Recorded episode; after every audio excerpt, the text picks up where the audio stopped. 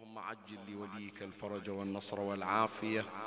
وانصره نصرا عزيزا وافتح له فتحا يسيرا وهب له من لدنك سلطانا نصيرا. رب اشرح لي صدري ويسر لي أمري واحلل عقدة من لساني يفقه قولي. يا كاشف الكرب عن وجه أخيه الحسين. اكشف كربي بجاه أخيك الحسين. نادي عليا مظهر العجائب.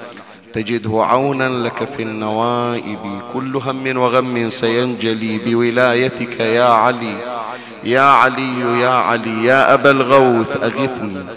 يا فارس الحجاز أدركني بلطفك الخفي ولا تهلكني. يا مولاتي يا فاطمة بنت محمد أغيثيني يا سيدتي. صلى الله عليك يا سيدي ويا مولاي يا رسول الله. صلى الله عليك وعلى آلك الطاهرين فأنز من اعتصم بكم وأمن من لجأ إليكم.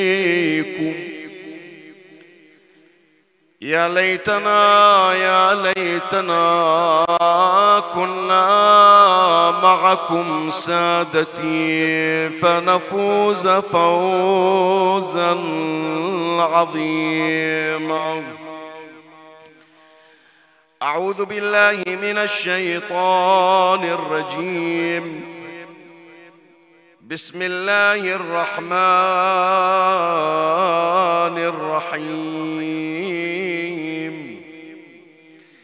يا أيها الذين آمنوا لا تسألوا عن أشياء إن تبد لكم تسوكم وإن تسألوا عنها حين ينزل القرآن تبد لكم عفى الله عنها والله غفور حليم. آمنا بالله. صدق الله مولانا العلي العظيم. الآية الشريفة المباركة. جاءت في مقام الارتقاء بالسائل والمسؤول. الآية جاية بغرض أنه يكون الإنسان السائل إذا تعرض إلى موقف طرح الأسئلة والاستفسارات أن يكون قد وصل إلى درجة من النضوج ومن الكمال. قد واحد يقول شيخنا شنو الداعي يعني؟ ليش تعقدونها واحد عنده سؤال ويريد يسأل. مو مرة هذا السؤال مثلا يكون سؤال طالب لأستاذه. ومرة يكون مثلا سؤال شخص بالطريق يسأل عن منطقة ويسأل عن طريق أو يسأل عن محل. وأحيانا أخرى لا طفل عمره خمس سنين ست سنين يسأل أباه. فهذا الأمر أمر اعتيادي. الحياة قائمة على السائل وعلى المسؤول وعلى الأسئلة. أنتوا جايين تريدون تعقدونها وجايين تريدون تعطونها. حجم أكبر من هالحجم التي الذي هي والذي هو الذي هي عليه. ما يستدعي هذا الأمر. سؤال والسؤال إلى جواب وانتهت القضية. لا. مسألة طرح الأسئلة يا إخواني. والجواب على الأسئلة وانتقاء السؤال اللي يعبرون عنها بثقافة السؤال. هذه مي قضية غوغائية مو همجية. هذه تخضع إلى ضوابط تخضع إلى آداب. السائل لابد قبل أن يسأل أن يكون عنده أدب السؤال. المسؤول أيضا حينما يريد أن يجيب على السؤال لابد أيضا أن يكون قد حاز على مجموعة من الشرائط حتى يكون مجيبا على السؤال. شلون؟ حتى ولو سؤال اعتيادي. حتى ولو سؤال اعتيادي. واحد يسألك عن مكان وقفك بالطريق ويسألك عن مكان. ما تعرف؟ قل له ما أعرف. لو جاوبت من غير معرفة قد يتأذى السائل بسبب سؤالك. فإذا القضية يا إخواني ليست قضية فوضوية وإنما هي قضية تعبر عن التحضر. شوف خلي أضرب لك مثال. في الأعم الأغلب أسولف لك الآن. في الأعم الأغلب شعوبنا مناطقنا بيئتنا مجتمعاتنا اللي تربت على تربية دينية تربية أهل البيت تربية محمد وآل محمد صلوات الله عليهم أجمعين.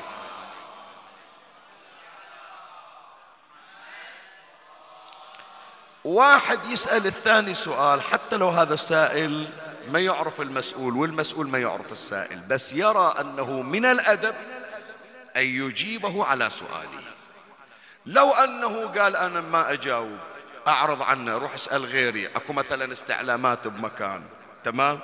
هذا حتى لو ما جاوبه حتى لو ما رد على سؤاله يمشي ويحس بوخز الضمير.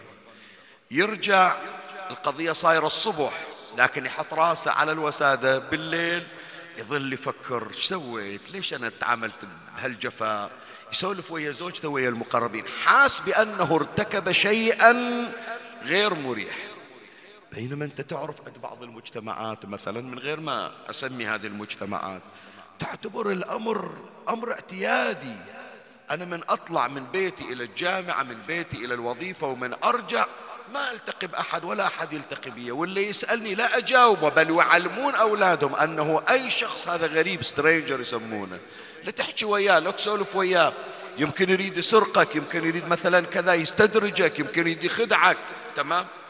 فإحنا يا إخواني هذا المجتمع يعتبرون من الظواهر الحضارية يسجلون عنا بالبحرين بالخليج بالبلدان الإسلامية يقولون مما لاحظناه أنه توقف أي أحد تسأله الكل يهب إلى نجدتك وإلى الجواب عن أسئلتك.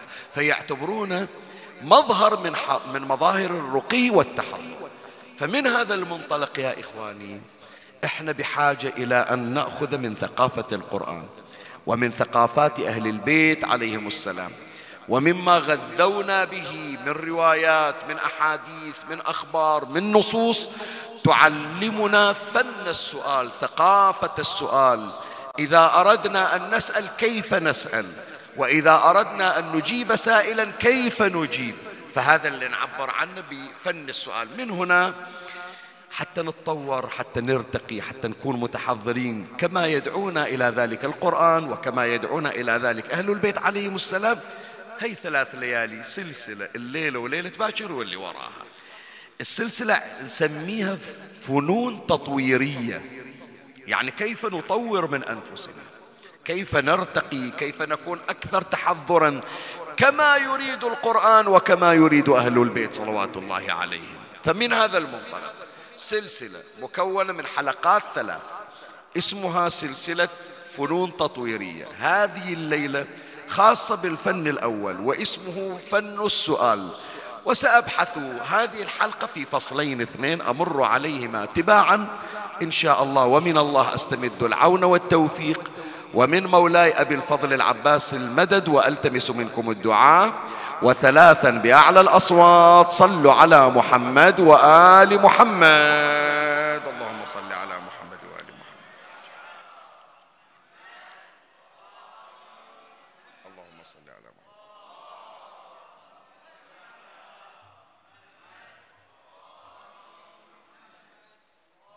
اللهم صل على محمد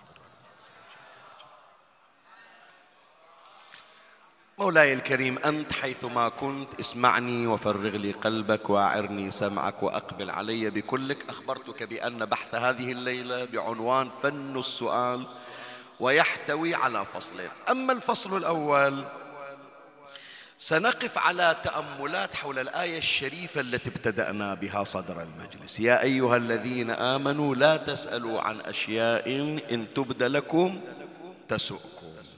طيب في البداية خلنا نعرف هذه الآية ليش نزلت. هذه فقط من باب تعليم أولادنا يعني حتى أولادنا يطلعون بثقافة منبرية. شوفوا أحبائي إحنا فعلا هذه التراكمات تراكمات السنين في الحضور في مجالس أهل البيت عليهم السلام صارت عندنا حصيلة لا بأس بها بحيث نفهم العلماء من يذكرون شيء في كتب التفسير في كتب الفقه نعرف شنو المقصود الخطيب الشيخ.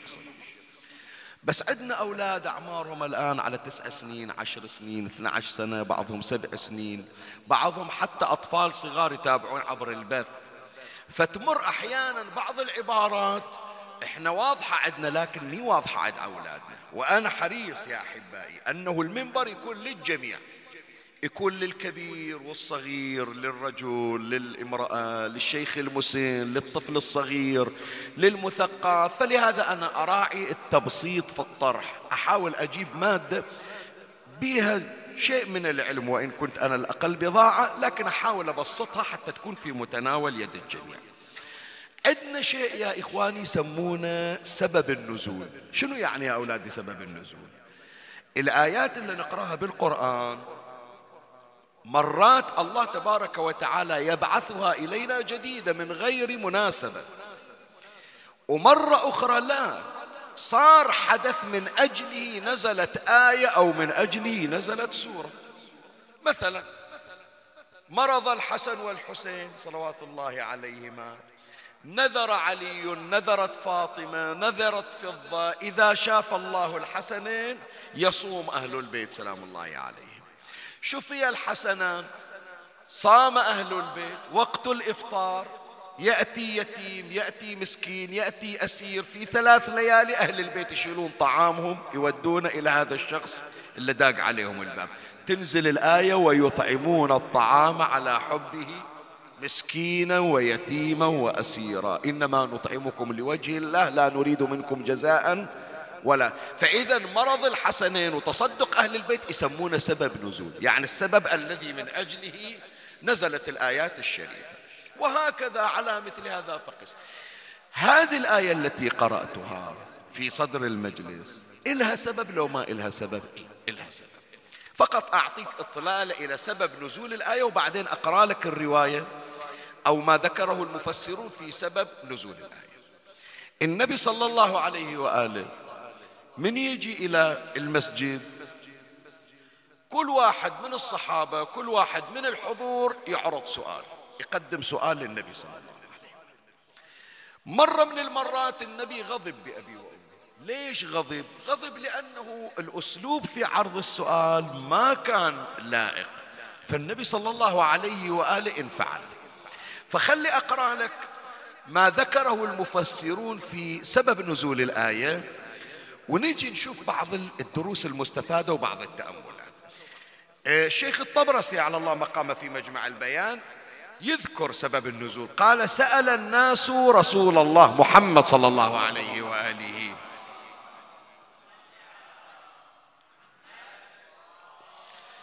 سأل الناس رسول الله صلى الله عليه وآله حتى أحفوه بالمسألة.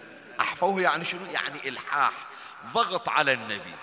حتى أحفوه بالمسألة فقام مغضبا خطيبا. يعني النبي وقف لحظات طرح الأسئلة والجواب وابتدى النبي بخطبة فقال سلوني فوالله لا تسألوني عن شيء إلا بينته لكم.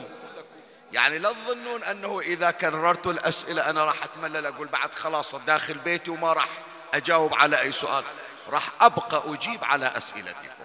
فقام رجل من بني سهم يقال له عبد الله بن, ابن حذافة وكان يطعن في نسبه. هذه خلنا نوقف عند العبارة إن شاء الله راح نجي في أثناء البحث هذا الفصل الأول راح نتكلم عن هذه كلمة يطعن في نسبه. فقال يا نبي الله من أبي؟ أبويا منه فقال أبوك حذافة ابن قيس. فقام إليه رجل آخر.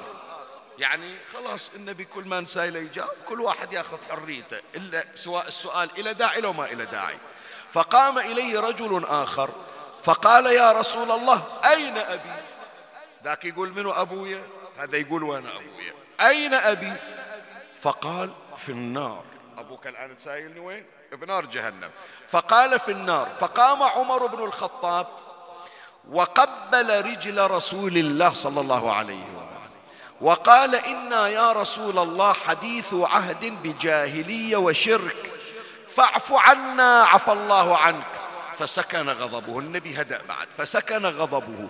فقال أما والذي نفسي بيده لقد صورت لي الجنة والنار آنفا في عرض هذا الحائط فلم أرى كاليوم في الخير والشر. يقول يعني صار عندي غضب والمجلس طلع عن وقاره وطلع عن طوره بحيث الله راواني صورة نار جهنم على الحائط قمت أشوف.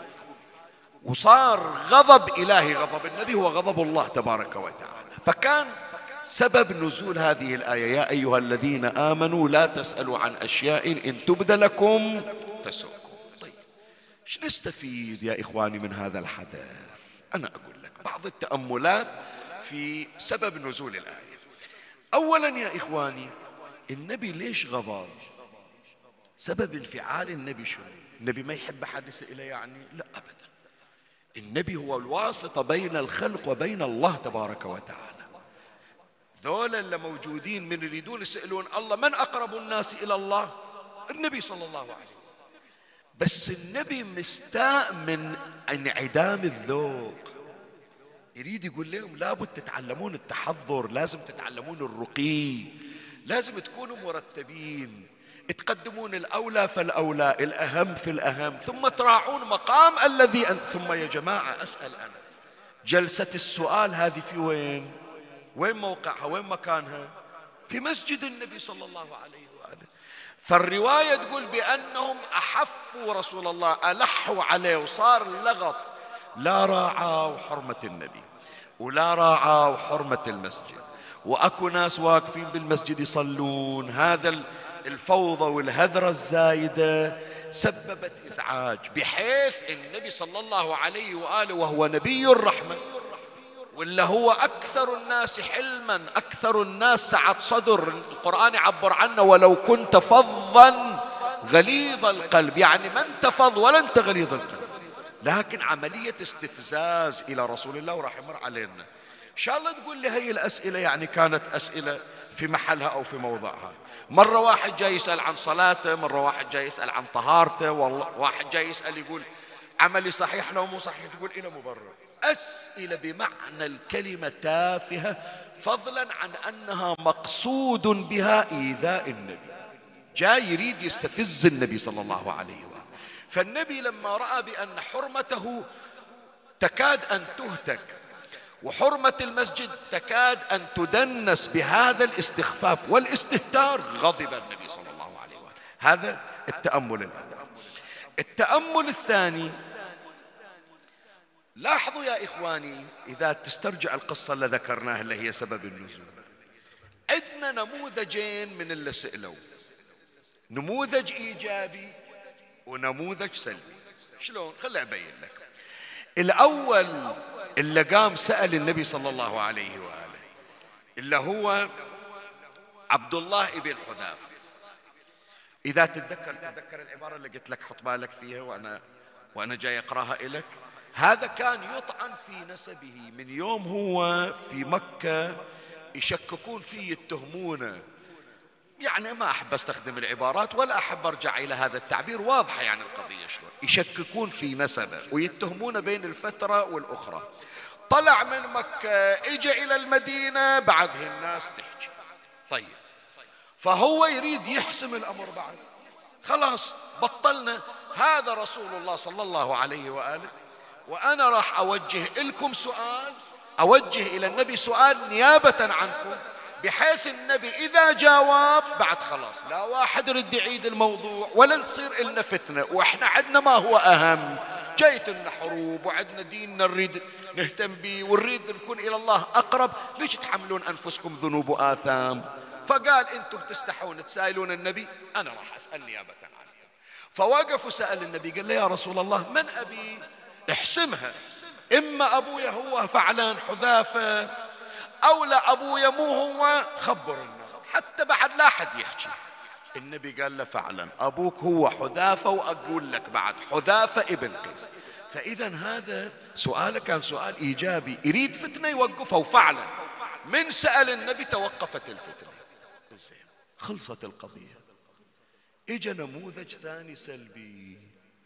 إلا وقف وسائل النبي أبويا فوين شنو يعني أبوك فوين سؤال أسأل. بس انت قول لي يعني أبوك في وين هذا شيء يفيد الناس اللي قاعدين. حتى لو تريد تعرف أبوك بالجنة أو بالجنه هذا سؤال شخصي. انتظر إلى أن ينتهي المجلس. أخذ النبي قال يا رسول الله أنت عرج بك إلى السماء وجبرائيل ينزل عليك. ابويا شلونه إذا هو من أهل الجنة تفرحني إذا حتى هو من أهل النار شو أسوي حتى الله يعفي عنه؟ هذا سؤال شخصي. أنا إيش أستفيد يا جماعة؟ أنا القاعد بالمسجد الآن وعندي مسائل شرعية قاعد أنتظر دوري.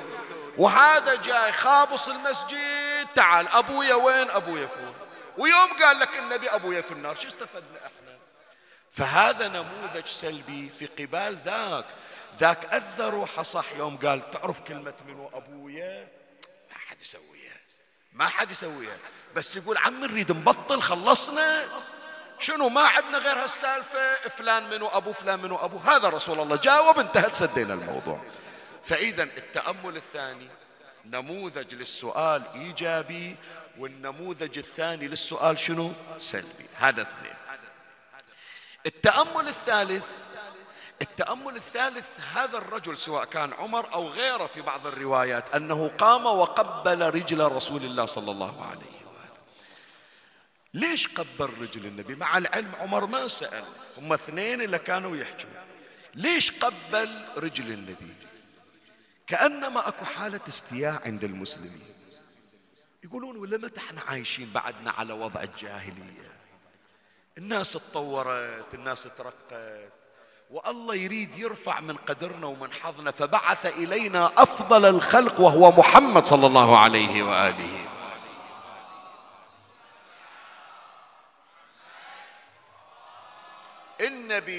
النبي والقرآن والملائكة كل يوم تنزيل وأهل البيت والدنيا اتسعت إلنا. اتسعت رقعة المسلمين. وبعدنا حتى حكي ما نعرف نحكي.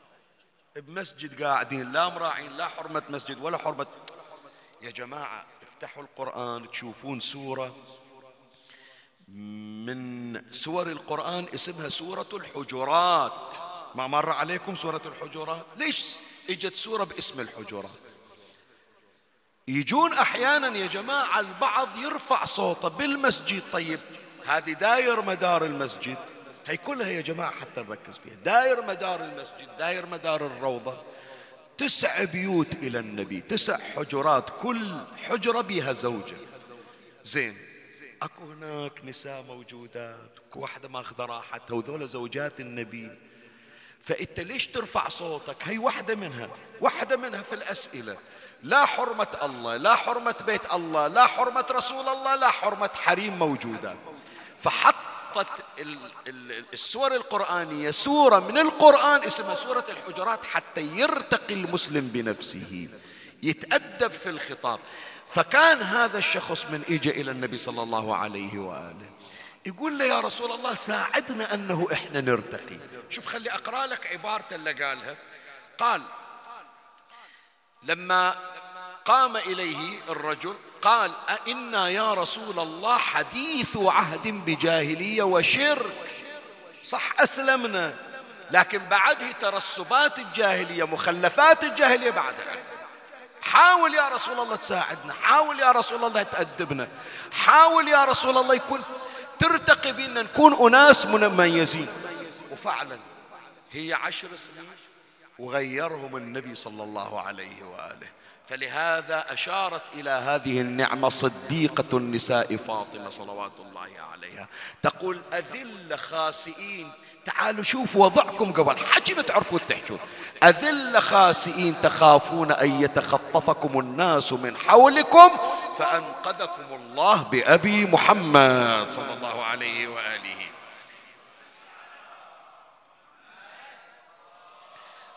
طيب من بعد هذا الاستعراض والتأملات؟ شوية أحبائي حطوا بالكم. أنا الأقل أنا الأصغر. أنتوا أهل معرفة أهل ذوق. أنتوا أصحاب تربية راقية لكن فقط وتواصوا بالحق وتواصوا بالصبر.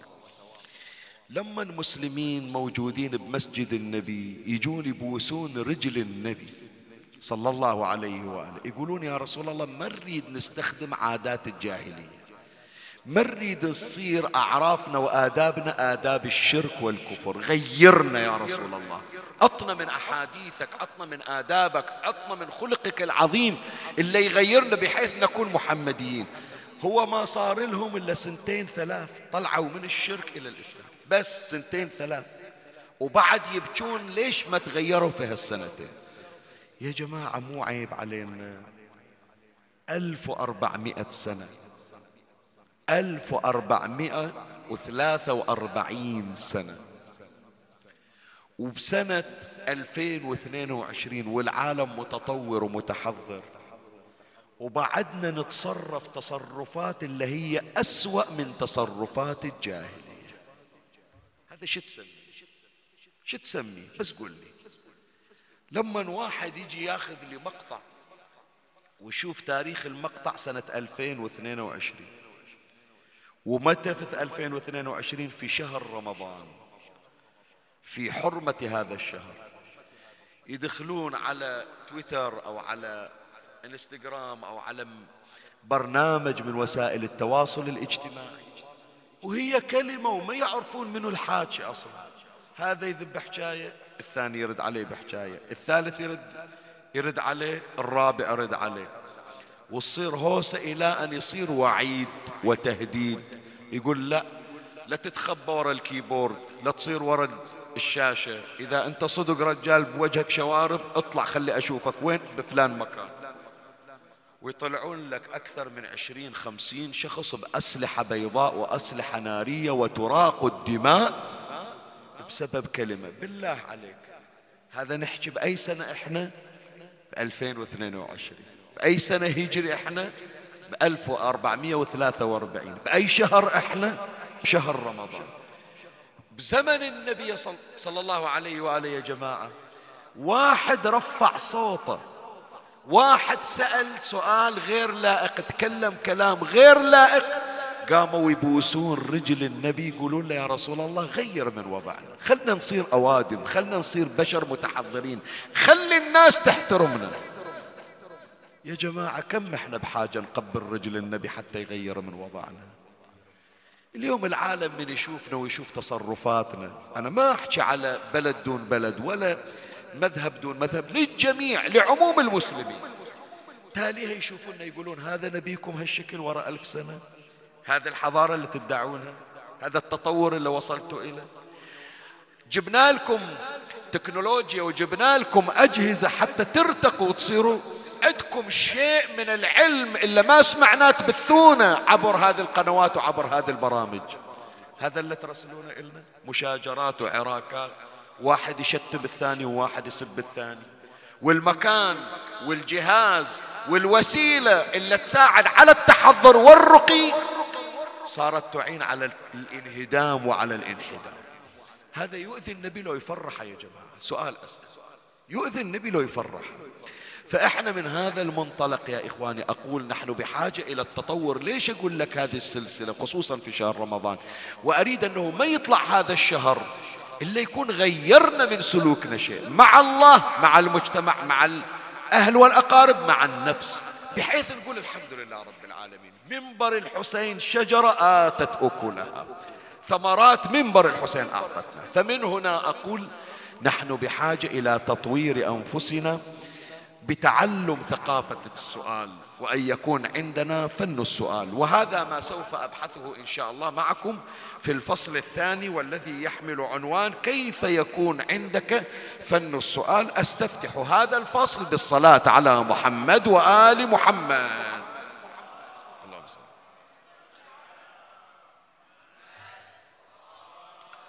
زين مولاي حتى تكون متميز في سؤالك انت من تريد تقدم سؤال. الخطاب للجميع.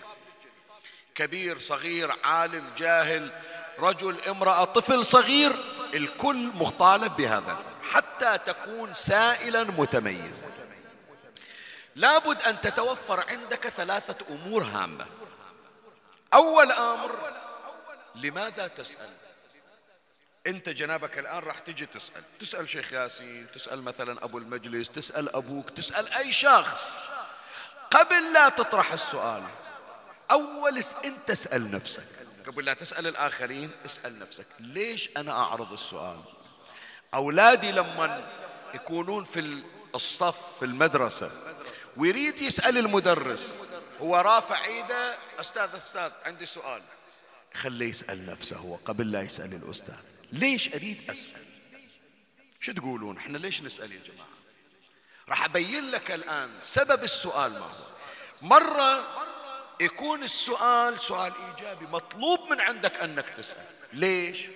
لأن هذا السؤال لطلب العلم يسمونه استفهام. ما سامع أنت هذه كويشن مارك يسمونها علامة شنو؟ منو يرد علي؟ استفهام. يعني شنو استفهام؟ استفهام يعني طلب الفهم الألف والسين والتاء طلب الشيء. استجلاب يعني أريد أجلب شيء.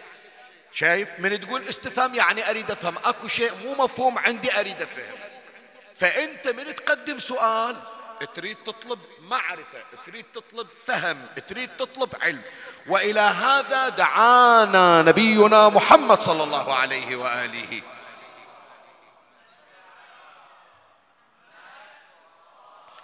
قال رسول الله صلى الله عليه وآله العلم خزائن كنوز هذا العلم كله مثل التجوري مثل الخزانة مثل الصندوق. حتى تطلع العلم تحتاج إلى مفتاح حتى تبطل التجوري الخزانة ما تفتحها إلا بباسورد ما تفتحها إلا بمفتاح. المفتاح مال صندوق العلم شنو؟ قال العلم خزائن ومفاتحه السؤال. فاسألوا رحمكم الله فإنه يؤجر فيه أربعة. بالك لعبارة النبي صلى الله عليه وآله الجميلة.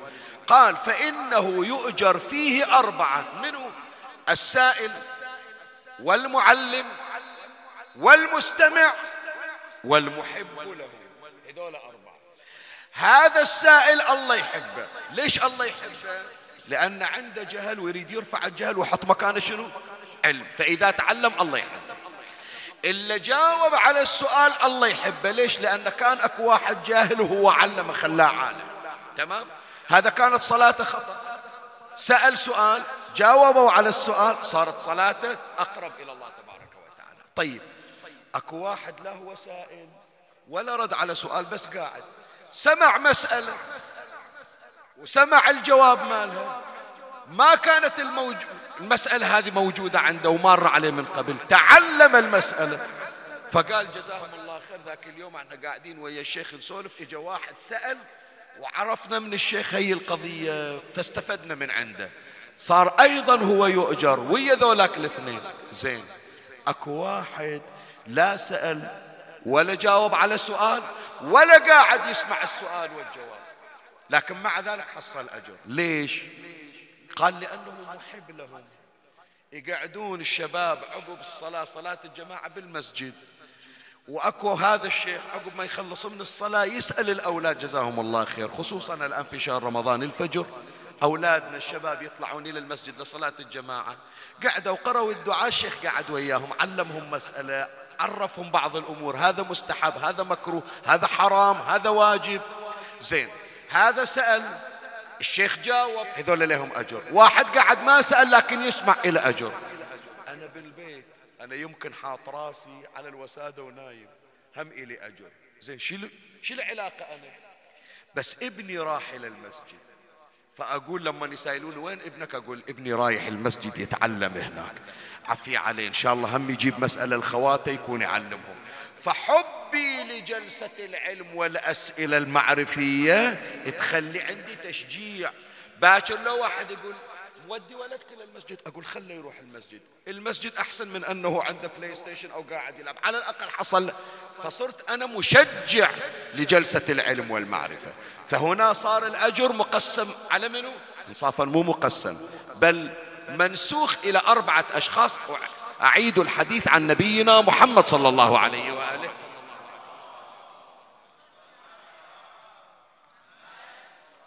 العلم خزائن ومفاتحه السؤال فاسألوا رحمكم رحمكم فاسألوا رحمكم الله فإنه يؤجر فيه أربعة السائل والمعلم والمستمع والمحب له. طيب هذا واحد يسأل حتى يتعلم. زين واحد يعرف يسأل لو ما يسأل سؤال أسأل.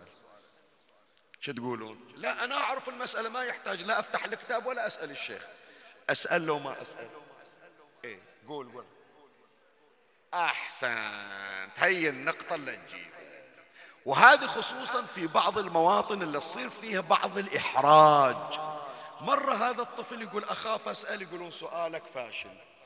مرة هذا يقول مثلا خاف أسأل يقول صار عمرك خمسين سنة ستين سنة ما تعرف هالمسألة حتى الأطفال يعرفونها.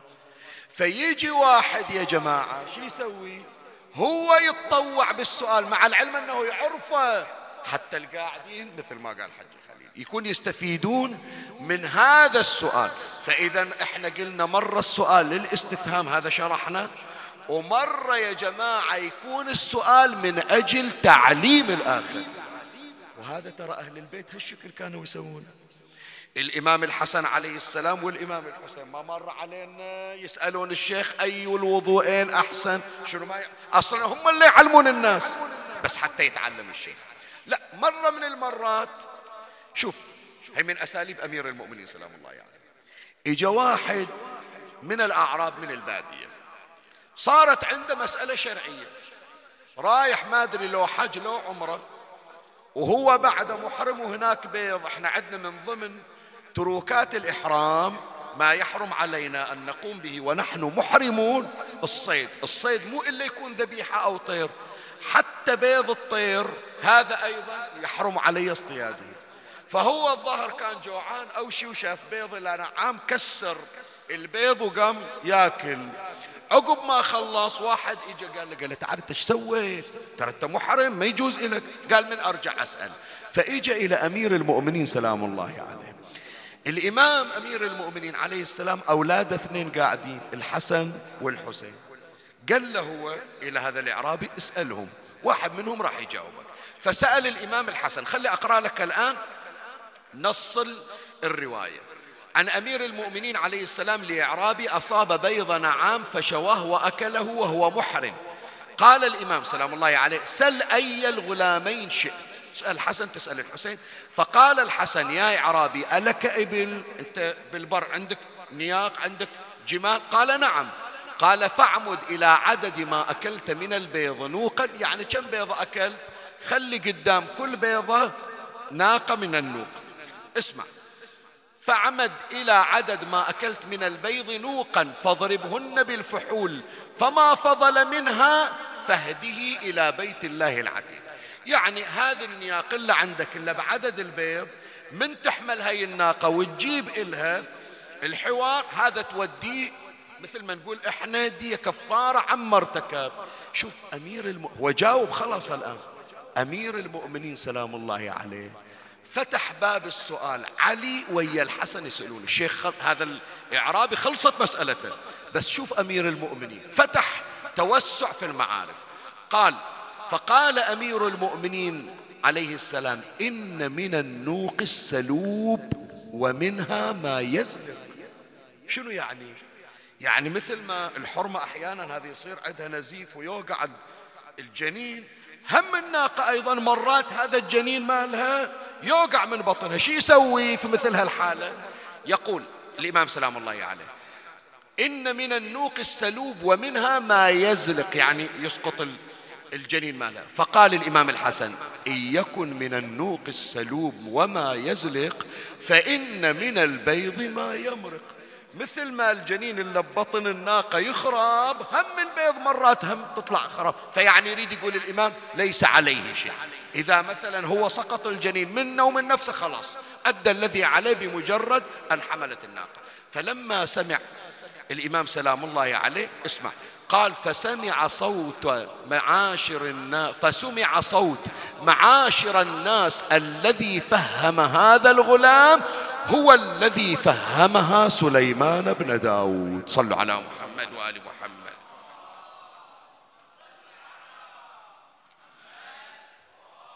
فسؤال يا إخواني هذا حتى تجاوبون نفس الكلام اللي قاله حج خليل الآن. ليش أمير المؤمنين يسأل الحسن؟ شنو السبب؟ خو هذاك المحرم الإعرابي جاي يسأل شو أسوي أنا؟ جاوب الحسن انتهت. ليش يسوي تفريع أمير المؤمنين؟ حتى تزيد المعرفة عندهم فيما لو صار كذا شيء يسوي. هي واحدة وثانيا حتى يعرفون مقامات الإمام الحسن عليه السلام. فإذا السؤال مرة يكون من أجل الاستفهام ومرة يكون من أجل تعليم الغير. هذا أي سؤال؟ هذا السؤال الإيجابي. لكن مرة يجينا سؤال سلبي. شلون سؤال سلبي؟ أنا أقول لك شنو سؤال سلبي. سؤال سلبي أنا مو جاي أريد أفهم. وإنما أنا جاي مكابر ومعاند اي مكابر ومعاند شلون مكابر ومعاند يجون اثنين وهذه ما أكثرها. إن شاء الله ما موجود عندنا. إحنا بالبحراني نقول يتعايون. يعني هذا يتحدى الثاني. لا أنا على عدل أنا العدل أنت الأعوج. لا أنت العدل أنا الأعوج. لا أنا كذا أنا كذا. زين شو نسوي؟ قوم نسأل الشيخ. قوم نروح نسأل الشيخ. هذه ما تصير يا جماعة لو لا. فهو من يجي مو يريد يكتسب معرفة جديدة. وإنما يريد شو يسوي؟ يتحدى الثاني حتى إذا انتصر يقول ها شفت شلون؟ صرت أنا أعرف أكثر. زين إذا طلع هو غلطان ما يريد يكسر روحه. فشي يسوي؟ لا أصلا الشيخ منو قال لك الشيخ كلامه عدل؟ نروح إلى شيخ ثاني. نروح إلى شيخ ثاني. وهكذا. هذا المعنى حذر منه أمير المؤمنين صلوات الله وسلامه عليه. قال أمير المؤمنين عليه السلام إذا سألت فاسال تفقها ولا تسأل تعنتا.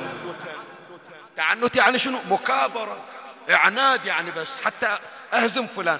إذا سألت فاسال تفقها ولا تسأل تعنتا فإن الجاهل المتعلم شبيه بالعالم. هذا صح ما يعرف المسألة لكن يوم سأل صار عالم. وإن العالم المتعسف شبيه بالجاهل. حتى أبو المعلومات من يستخدم علمه للتحدي والمكابرة؟ ما يعني ما استفدت من علمك؟ بدل ما ترتقي بالعلم صرت شنو؟ مثل ما نقولوا البحارنا من عرض الأطفال مثل الجهال. شلون الجاهل يكابر وعاي وكذا لا وما يصير؟ هذا من صور السؤال السلبي. بعد. يا ريت يا جماعة بس هو يجي يسأل حتى يكابر. لا يا ريت. مرة السؤال تدري شنو؟ السؤال يجي بغرض الاستهزاء بالمسؤول. شلون؟ يقعد واحد مثلا افرض عنده شهادة افرض خريج جامعي يقول أنا براويكم هلا مسوي تعال أنا دكتور أنا دكتور أو هذا أنا شيخ أنا شيخ. إلا أدور سؤال أحرجه. فهو لا يريد يفهم ولا يريد يعلم الآخرين ومو قصة مكابر بس شي يريد يسوي يريد يخجل المسؤول. وهذه ما أكثرها يا جماعة. والمشكلة ناس ينحرمون من الثواب. أنا سامع عن بعض المناطق مو عندنا بالبحرين. بالبحرين ما أدري ما شفت. الحمد لله وإن شاء الله ما يجينا هذا الداء ما يجينا هذا الداء وهذا البلاء. بس بعض المناطق من غير تسمية في بلدان أخرى. يقول أنا أجي أقعد عشر سنين بالمجلس بس أدور غلطة من الخطيب حتى من ينزل أقول له منين جايبينها بس. زين إذا أنت عشر سنين محروم من الثواب. إيه عشر سنين هذا أنت قاعد بالحسينية ما حصلت ثواب لأنك مو جاي للاستماع ولا الاستفادة جاي ليش؟ يتصيد على ذا. فوق هذا أيضا أنت جاي. من تتبع عثرات أخيه المؤمن تتبع الله عثراته وفضحه ولو كان في جوفه. يعني انت هم مأثوم عشر سنين حاط على نفسك. وموطن شهر رمضان الا الواحد يطهر نفسه انت تدنس نفسك. هذا انت لما تفتخر شمال زين. شوف أهل البيت شلون أصيبوا بهذا البلاء. يجي واحد يسألهم لكن الغرض شنو؟ هذا اللي نحكي عنه. اللي يريد بس يخجل علي بن أبي طالب. وإلا بالله عليك لما يقول له ما في شعر رأسي ولحيتي من طاقة شعر. شو استفدت أنت؟ سؤال أسأل شو استفدت؟ قلت لك بأنه برأسك وبلحيتك مليون ونص شعرة أنا شو استفدت؟ أنت شو استفدت؟ بس هو غرضه تدري شنو؟ غرضه لو قال علي بن أبي طالب الرقم الحقيقي ذاك الوقت أكو كمبيوتر يحسب شعرات فهو في كل الحالة الناس ما راح تقبل الجواب. ويريد يحرج أمير المؤمنين ويريد يخجله أمير المؤمنين مو هو اللي خجله الله خجل. إلى ذاك السائل. قال له أخبرني حبيبي رسول الله صلى الله عليه وآله إن تحت كل شعرة في رأسك ولحيتك شيطان يلعنك. وإن في بيتك سخلا سيكون قاتل ولدي الحسين عليه السلام. وبالفعل هذا سنان ابن أنس. أبوه أنس اللي كان سأل أمير المؤمنين وطلع سنان فيما بعد أتالي ظهرت كرامة لعلي بن أبي طالب عليه السلام. فإذا أحيانا من السؤال ما يكون إيجابي وقد ذكرنا وأحيانا ما يكون سلبي وقد ذكرناه وبيناه فإحنا نريد أسئلتنا إيجابية. لو سلبية يا جماعة؟ لا نريدها إيجابية. نريد نسأل للتعلم ونريد نسأل لتعليم الآخرين ونتجنب المكابرة والاستهزاء والسخرية بالآخرين. طيب سؤال أسأل. متى نسأل؟ أي وقت؟ وهذه أتمنى يا أحبائي. يا ريت. شباب جزاكم الله خير حبائي الكادر الإعلامي بالحسينية. هي الرسالة خاصة لكم أتمنى هذه بالذات تحاولون تنشرونها على أوسع نطاق. إحنا الآن العادة الموجودة عند عند الجميع عندنا. أي شيء ما أعرفه أسأل عنه. مو صحيح؟ هل هو هذا الأمر هو المطلوب؟ حط بالك. شوف إيش أقول لك أنا. هل المطلوب من يتولد عندي سؤال؟ مباشرة أركض أسأل حتى يجاوبوني. لو مطلوب من عندي خطوة في البداية. مطلوب خطوة في البداية. تدري متى أسأل؟ أول أتعب على نفسي وأبحث. وإذا ما حصلت الجواب تالي إيش أسوي؟ تالي أروح أسأل. مو من يتولد عندك السؤال تتكل على الآخرين وتجي تسأل. إذا لو ما حصلت اللي يجاوب إيش راح تسوي؟ متى راح تفتح كتاب؟ متى راح تفتح لك مثلا موسوعة وتبحث بنفسك؟ نعم. اجيت ادور مثلا على رواية على قضية على مسألة على كذا يوم دورت ما هذه الطالبة الجامعية تعبت تعبت تريد حل المعادلة تريد الجواب ما حصلت بالمصادر لجأت إلى الدكتور. أما إذا واحد تعالوا جاوبوا عني تعالوا حلوا عني تعالوا علموني متى راح يتعب على نفسه؟ ولهذا راح أذكر لك رواية من أجمل الروايات. أنا أحكي لكم أحبائي وأنا الأقل بضاعة هذا مما فادني وعلمني في مشروع الخطابة وفي مشروع المطالعة والبحث. ما نح ما نعرف إحنا لقمان ما عندنا في القرآن سورة اسمها سورة لقمان لو لا؟ زين.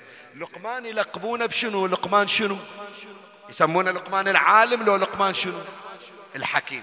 ليش سموه لقمان الحكيم؟ إن شاء الله بتقول لي لأن عنده معلومات ويسأل كثير. لا خلي أقرأ لك الرواية. حتى تعرف ليش سموا لقمان الحكيم وحتى نكون حكماء يا إخواني.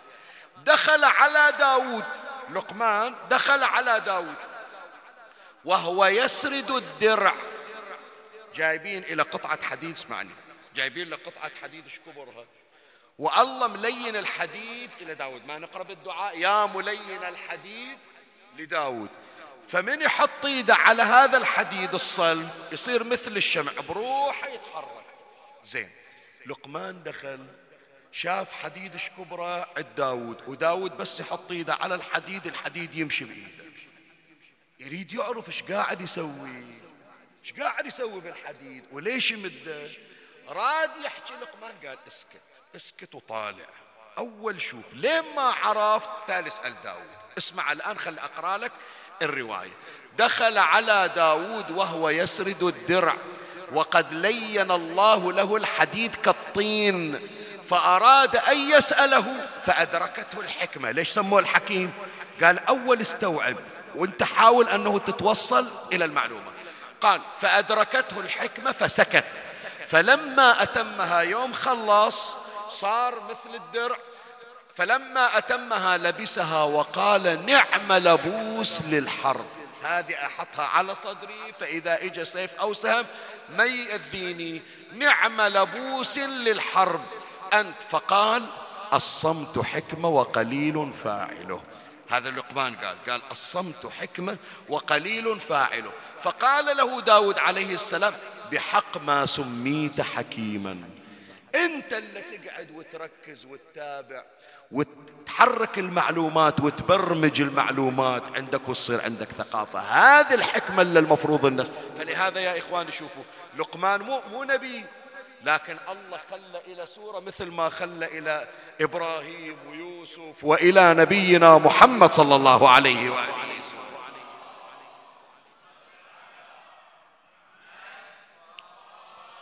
سريعا الآن في ثلاث دقائق مو أكثر أو دقيقتين نختم حديثنا. كيف أسأل؟ عندي سؤال وأريد أسأل. كيف أسأل؟ شلون نعلم أولادنا؟ ش... وإحنا شلون نتعلم يا جماعة؟ شلون نسأل؟ أولا نختار الوقت المناسب للسؤال. المسؤول لابد يكون مهيأ وأنا لابد أكون مهيأ. فلهذا قال رسول الله صلى الله عليه وآله حسن السؤال نصف العلم.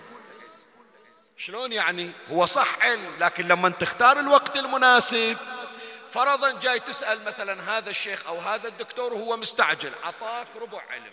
لكن لما تختار وقت ملائم وتقعد وياه وتتقرب إلى لا جاوب على السؤال وجاوب لك على أسئلة غيرها. فلهذا النبي صلى الله عليه وآله يقول حسن السؤال نصف العلم.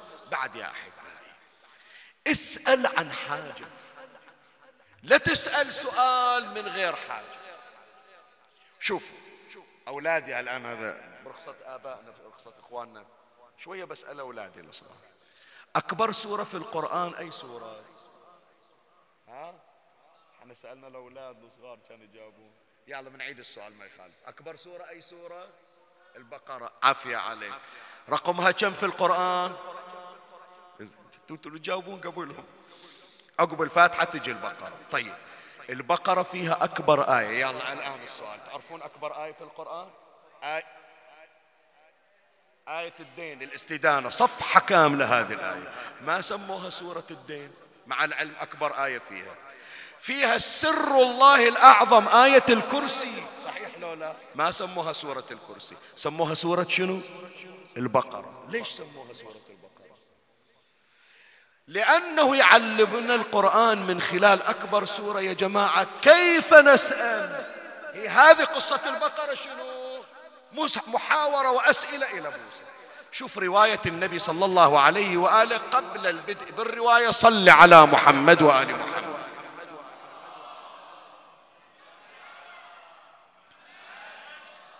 قال صلى الله عليه وآله ولو أنهم اعترضوا بقرة من البقر فذبحوها لاجزاء الله قال لكم إن الله يأمركم أن تذبحوا شنو؟ دور لك لو عجله واذبحها خلاص انتهت فرغت.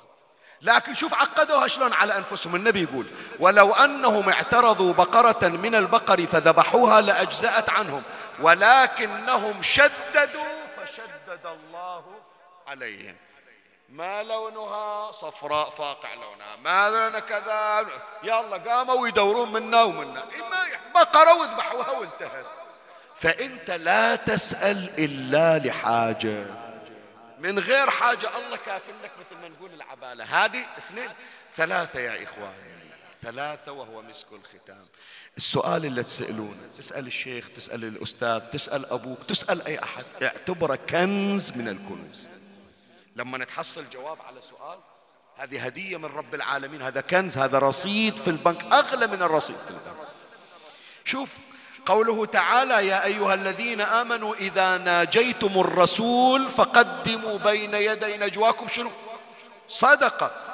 صدقة تتقدم من تجي تسأل. تعرف هذه وحيدة يقولون هذه الآية حط في بالك هي معلومة خلها ومسك الختام ونختم آية نزلت يوم واحد بس. يوم الثاني الحكم الشرعي نسخ.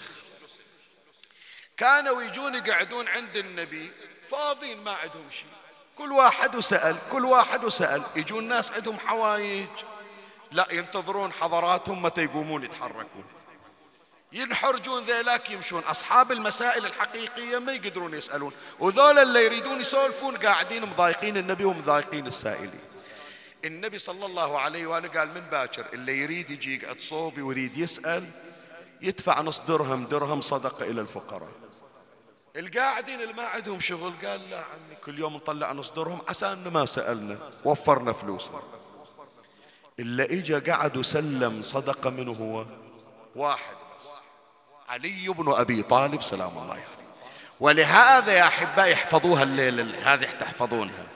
الوحيد الذي دفع صدقا لأسئلته علي بن أبي طالب. يوم الثاني قال النبي الحكم بعد خلاص اللي يريد يسأل غيره اختبرناكم الثمنون جواب النبي لو ما الثمنونه طلع النص الدرهم أحسن من جواب من رسول الله. فلهذا لما اهتم علي بالأسئلة وبالأجوبة قال النبي أنا مدينة العلم. وعلي بابها وهنا انتهى مجلسنا. ساعة صار لنا نقرأ الآن. تعرف عم انت يمكن سؤال واحد يغير مجرى حياتك. تدري لو ما تدري. سؤال. تسأل سؤال واحد. حياتك كلها تتغير ببركات هذا السؤال. شوف سيدتنا قاضية الحاجات أم البنين عليها السلام. لو تدور بالتاريخ قليل تحصل على مواقف لأم البنين. لكن تعرف اللي يذكرونه في كل المقاتل شنو من مواقفها يوم إجت سئلت بشر ابن حذلة. إلا أبرز أم البنين. ترى عندنا في شهادة أمير المؤمنين دور اسم أم البنين ما موجود. في مقتل الحسن دور على اسم أم البنين ما موجود. في خروج الحسين من المدينة دور على أم البنين ما موجود. لكن لما جاء بشر بن حذلة سؤال أم البنين خلى الناس كلها تطلع وهم ال... وهي التي جعلت المدينة ترتج حزنا على الحسين. شنو سؤالها صاحت يا عبيش ألك علم بالحسين؟ ذول أهل المدينة قاعدين ببيوتهم خايفين يقول خايفين نطلع نسأل يقتلونا. إجت أم البنين قالت أنا أفداء للحسين بس أريد ناس تتحرك ويحرك الحسين قلوبهم. وإذا خايفين راح راويكم هذه حرمة راح تطلع شايلة طفل على ذراعها لما سمعت بشر بن حذلم ينادي يا أهل يثرب! لا مقام لكم بها. قتل الحسين فمدمعي مدرار. يلا عمي هذه ليلة قدر خلصناها. إن شاء الله ناخذ حوايجنا من عند أم البنين الجسم منه بكربلاء مضرج والرأس منه على القناة يدار. وسائل وسائل جرى دمعي على خدي. وسايل وسايل على اللي الخلق كانوا كانوا وسايل اجيتك يا بشر انشد وسايل رد حسين وأولادي إلي. رد حسين واولادي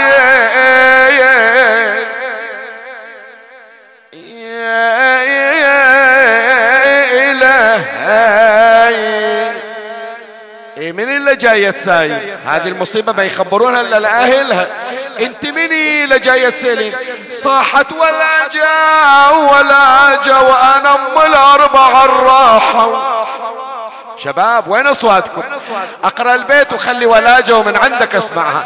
ولاجة وأنا أم الاربعة الراحة. إيه؟ ولا جا ولا جو عليهم أرض ما تلمني ولا جا يوم ولوا على الغبرة. ولا جا ولا جا وتمنيت حضرت بالغاضري بنية روحة كربلاء وزيارتها الونة إي إي تمنيت حضرت بالغاية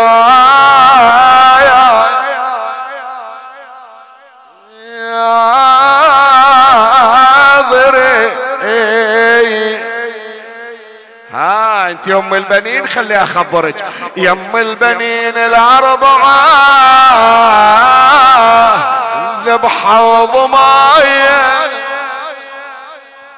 وظلوا بلا تجهيز بالغبرة عراي ليتك نظرت على النهار الشاي. مفضوخ راسه والسهام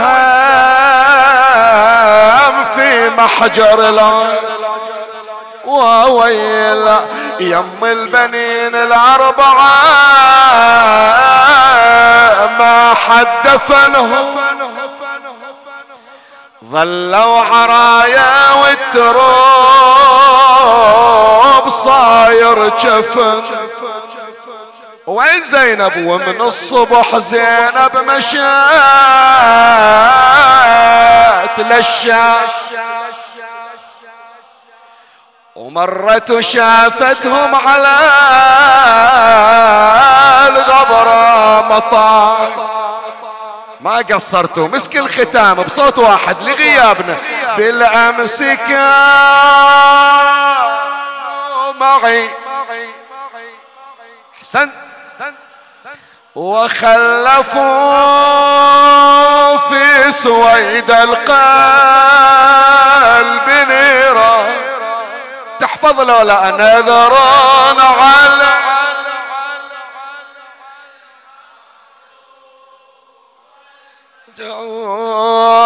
لا أزرعن طريق الطاف نادت يا زينب يا حزينة حسين خيج وين؟ تقيلها أخويا ذابحين بالخيل صدره مكسرين. واليوم جينا للمدينة تراهي سفرة القشرة. اللهم صل على محمد وآل محمد. أعوذ بجلال وجهك الكريم. أن ينقضي عني شهر رمضان أو يطلع علي الفجر من ليلتي هذه ولك قبلي تبعة أو ذنب تعذبني عليه اللهم سلمنا لشهر رمضان وسلمه لنا وتسلمه منا. فلا ينقضي عنا إلا وقد غفرت لنا. اكتبنا فيه من عتقائك من نار جهنم. عجل اللهم فرج إمامنا صاحب العصر والزمان. اجعلنا من خلص حواريه وخدامه. ارزقنا تقبيل يديه وأقدامه. ترحم على أمواتي وأموات الباذلين والسامعين والمؤمنين سيما من لا يذكره ذاكر ولا يترحم عليه مترحم. أوصل لهم جميعا ثواب هذا المجلس الشريف وبلغهم ثواب الفاتحة مع الصلوات.